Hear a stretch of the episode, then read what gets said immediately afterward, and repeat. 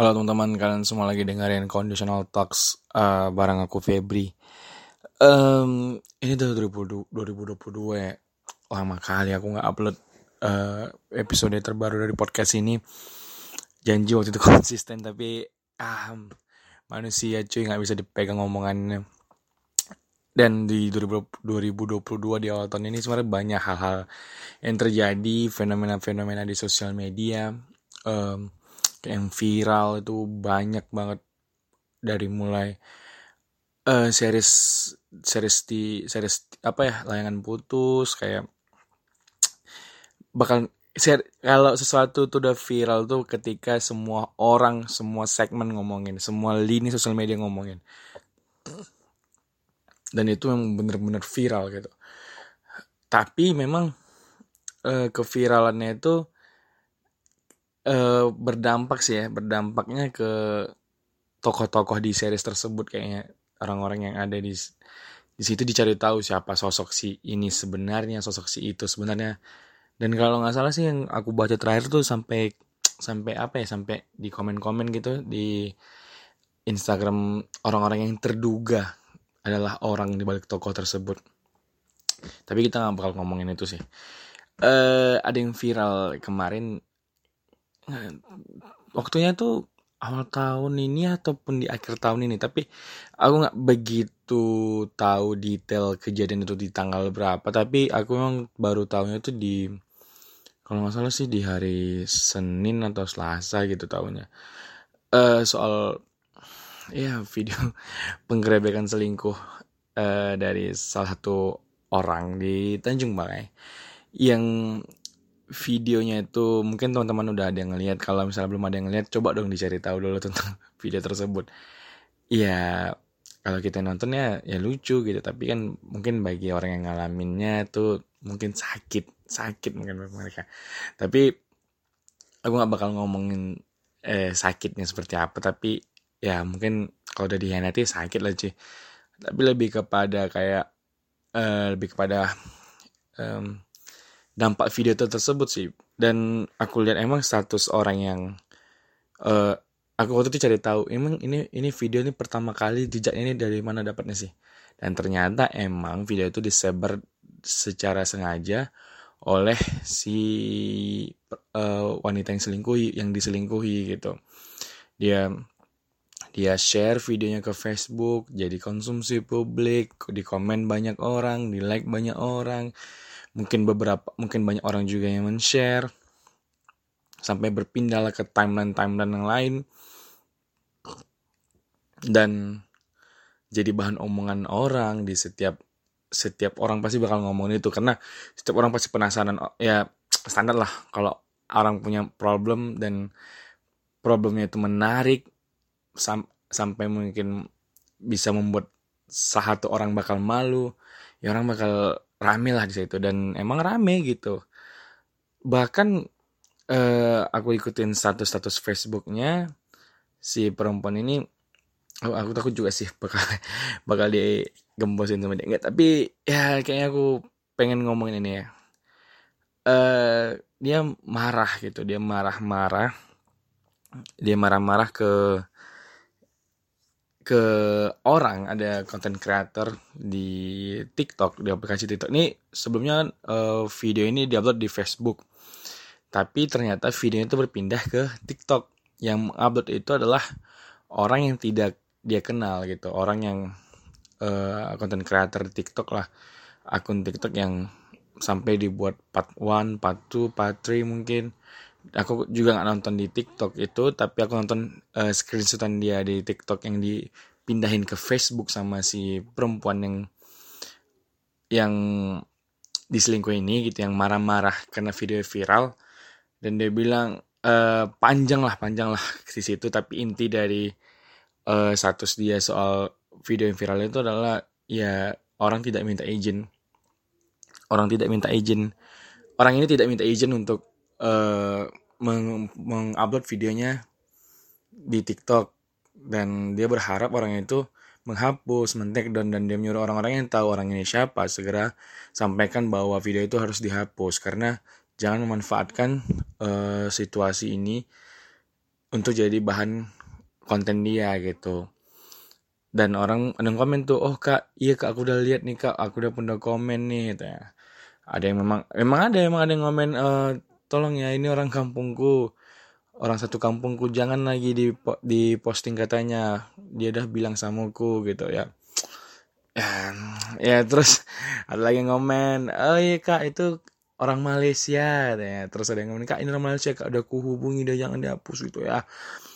Uh, ya kayak gitu gitulah um, dan sampai orang tahu tuh itu konten kreator Malaysia gitu. Dan iya. Dan iya di mana iya pola bu. Ya biasa lah kalau Tanjung Balai lagi merepet kayak mana ya kayak gitulah. Mungkin pagi-pagi kalian bangun dengar mungkin tetangga ada merepet ya kayak gitulah. Di mungkin yang kebayangkan. Karena kan kita nggak tahu nih status Facebook dia intonasi bicara seperti apa nada bicara dia seperti apa suara yang dia tinggi atau rendah tuh ya ya kita bayangkan aja lah dia ngomongnya dengan nada nada, nada orang Tanjung Balai khas gitu. Dan dan nggak tahu nggak dan akhirnya aku juga nggak tahu nggak ngikutin juga sampai apakah video itu di take down gitu tapi eh, dari dulu kan aku mungkin yang teman-teman yang sering diskusi sama aku gitu tentang sosial media ini dari dulu aku selalu menganggap bahwa ya kalau ada sosial media namanya apa yang kita upload, apa yang kita tulis, apa yang kita publish, ya itu oh ya itu dia jadi bahan konsumsi orang gitu. Jadi ketika misalnya kita melempar suatu opini dan opini itu dipatahkan orang lain, kita nggak bisa jawab itu IG IG ku dan ah bagiku gitu gitu. Karena ya ini platform yang yang misalnya luas gitu. Dan kalau misalnya ada yang nyambar dan tidak terima dengan opinimu atau tidak terima dengan konten yang kau buat mungkin ya orang itu berhak untuk meng, meng, meng, mengkritik ataupun iba, ataupun ibarat katanya dia mempertanyakan kenapa sih uh, kau buat ini gitu. Dan di situ kau punya hak jawab untuk ya aku karena buat ini karena ini alasanku karena itu. Karena emang uh, aku sampai sementara ya sementara. Aku nggak tahu suatu suatu saat nanti mungkin ada yang mematahkan opini ini sampai mengatakan bahwa ya se sementara ini opini itu adalah apa yang kita upload di sosial media itu udah kita tahu konsekuensinya apa. Kita udah kita itu itu udah sudah jadi ranah publik gitu. itu udah jadi ranah publik. Kecuali ya kamu kau membuat video itu untuk di close friendmu. Kalau di Instagram ada fitur close friend ya. Ya ya udah berarti kan kau memperkecil circle yang orang akan bakal mengetahui apa yang kau buat gitu. Dan kakak ini itu agak sedikit aneh ya terlepas dari masalah ya ya kita nggak tahu ya rumah tangga orang maksudnya bukan bukan itu poin yang ingin kubahas tapi ketika sosial media kakak udah kakak ini kakak udah meng, punya teman ribuan. Aku yakin teman kakak tuh ribuan gitu. Aku yakin mungkin pengguna Facebook setanjung balai dari lintas usia untuk mengakses Facebook kakak untuk melihat video kakak. Mungkin video yang mungkin udah tayang ribuan kali. Dan ketika kakak uploadnya itu kakak mungkin harus sadar bahwa ya banyak orang yang bakal kepo dengan masalah ini. Dan kalau misalnya dia bilang harus izin lah denganku karena aku yang ya ya video Ariel video Ariel video pornografi Ariel dulu ya nggak minta izin sama Ariel gitu. Dan Ariel yang kena dampak waktu itu. Dan ya ini yang terjadi gitu bahkan Ariel sendiri tidak menguploadnya dengan sadar. Ariel menyimpannya dalam storage dia sendiri dari penyimpanan dia sendiri. Tapi eh, itulah kenapa aku ya aku nggak peduli paham bukan nggak peduli sih aku nggak peduli tidak kepo ya tidak aku tidak kepo dengan masalah dia dengan suami dia tapi ya jangan salahin dong sosial media ini gitu jangan salahin uh, fenomena viral ini gitu ya. Kalau misalnya viral ya ya itu jalan yang kakak pilih untuk menjadi viral.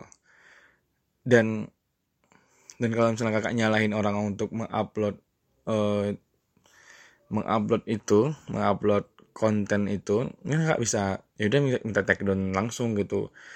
Iya bukan nggak perlu kayak gitu. Udah. Sebenarnya sebenarnya oke okay, aku mikir juga eh masuk akal juga sih kalau dia, dia mungkin tidak senang dengan videonya. Dia take down gitu. Uh, dia take down gitu. Tapi kakak juga ngapain sih ngupload gitu ke Facebook? Uh, atensi apa yang kakak dapatkan dari video itu?